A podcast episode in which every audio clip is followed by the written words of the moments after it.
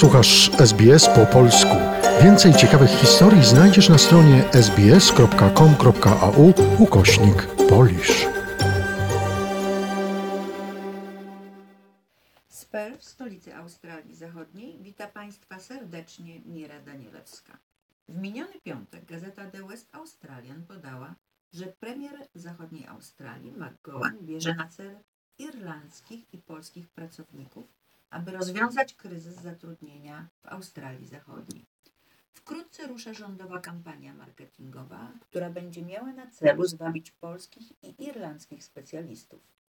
Kampania pod nazwą The Build a Life in WA Zbuduj życie w zachodniej Australii, która trwa obecnie na wschodnim wybrzeżu i w Nowej Zelandii, zostanie rozszerzona na kraje takie jak Polska, Irlandia i Wielka Brytania.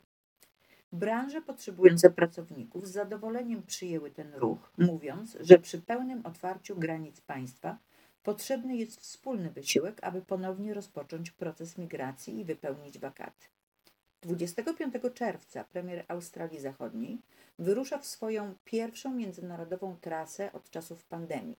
Jego misja Reconnect WA rozpoczyna się pierwszym lotem liniami Qantas bezpośrednio z Perth do Rzymu. W czasie pobytu w Europie jest planowana seria spotkań gospodarczych, bankowych i finansowych, aby pokazać silną pozycję ekonomiczną zachodniej Australii. Skupiać się będzie na pozyskaniu siły roboczej do takich branż jak budownictwo, opieka zdrowotna, szpitale, turystyka i przemysł wydobywczy.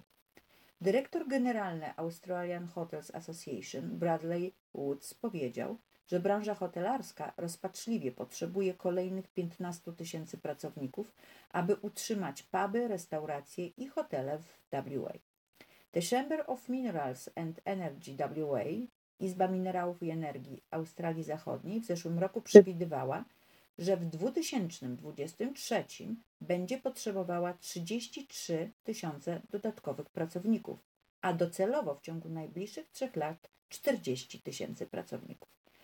Pełniący obowiązki dyrektora CME Robert Carders powiedział, że branża potrzebuje pomocy specjalistów, aby zrealizować projekty warte 156 miliardów dolarów.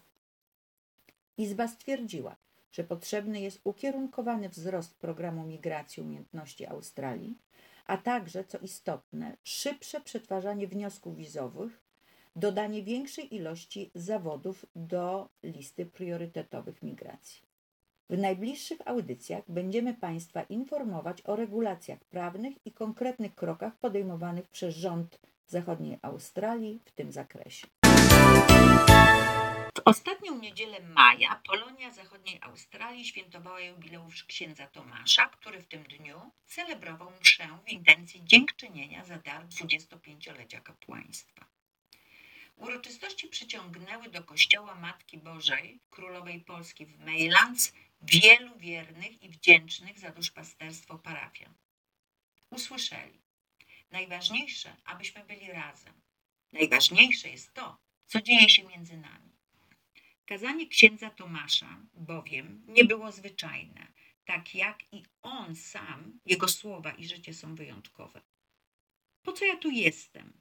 Żeby kazania głosić, powiedział: Nie. Jestem, żeby być z wami, żeby razem coś tworzyć. Co zatem stworzył, czego dokonał przez ćwierć wieku i jakie spędził tu w Australii?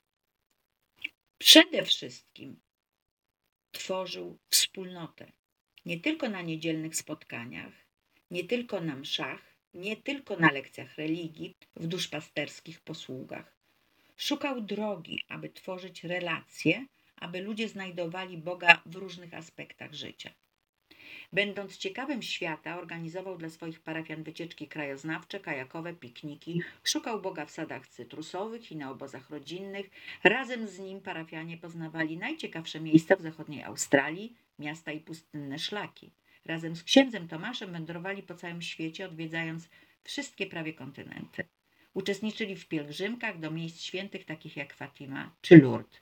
Najbardziej odważni spośród parafian dotarli nawet do pierwszego obozu na Mount Everest. Był obecny przy chrztach, ślubach, ale i u chorych w szpitalach. Niektórych, jak powiedział, zaprowadzał na cmentarz. Co Bóg da, ksiądz ochrzci, co Bóg zabierze, ksiądz pochowa. Niby to jest śmieszne, niby to jest żart, ale taka jest prawda, powiedział na mszy jubileuszowej ksiądz Tomasz. Razem z wiernymi, zaraz po przyjeździe, tworzył życie kulturalne, bo jego praca duszpasterska to droga do Boga poprzez doznania, wzruszenia i wzbogacenie w wartości wyższe. Założył grupę teatralną pod nazwą Scena 98 i już w grudniu 98 roku wystawił swoją pierwszą sztukę teatralną w Perth, Betlejem Polskie. Przez scenę polską 98 przetoczyło się prawie 400 osób. Ludzie są wdzięczni za jego wspaniałą pracę duszpasterską, co wyrazili w piękny sposób na ceremonii, gdzie byli przedstawiciele wszystkich organizacji polonijnych w zachodniej Australii, a konsul honorowy Paweł Biddorf powiedział: Wszyscy wiecie, ile dobra doznaliście od księdza Tomasza. Ludzie starsi, młodzież, grupa teatralna i wszyscy pozostali. Na zakończenie jest dla mnie niezwykłą przyjemnością, że mogę dziś podzielić się z Państwem wspaniałą wiadomością. Na wniosek konsulatu polskiego w Perth, przy wsparciu ambasady polskiej w Australii, prezydent Polski Andrzej Duda przyznał ojcu Tomaszowi odznaczenie państwowe. Z Perth Mira Danielewska. Zainteresowało Cię? Chcesz usłyszeć więcej? Słuchaj nas na podcastach dostępnych w Apple Podcast, Google Podcast czy Spotify lub w jakimkolwiek innym, który używasz.